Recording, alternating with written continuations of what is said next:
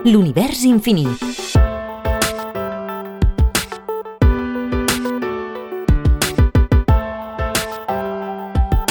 Agrupació Astronòmica de Sabadell.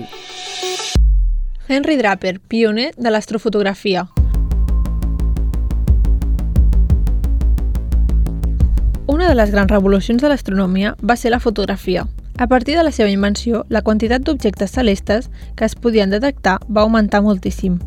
Poc després de néixer la pròpia fotografia, ja es va aplicar l'astronomia, i un dels pioners va ser Henry Draper, a finals del segle XIX.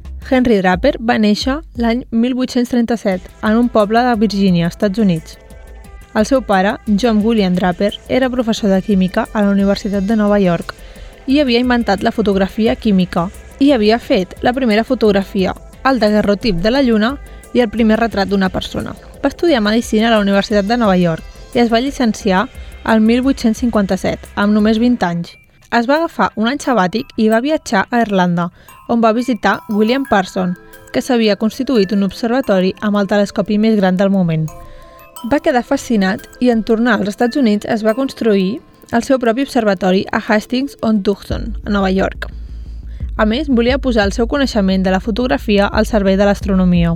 Després de llegir el treball sobre els espectres estel·lars de Hawkins i Lockyer, es va construir el seu propi espectroscopi i el va millorar.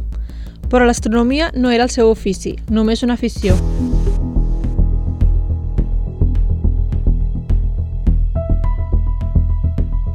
Primer va treballar com a metge a l'Hospital Bellver i després com a professor de la seva universitat. L'any 1867 es va casar amb Mariana Palmer, qui va assistir-lo en el seu treball astronòmic.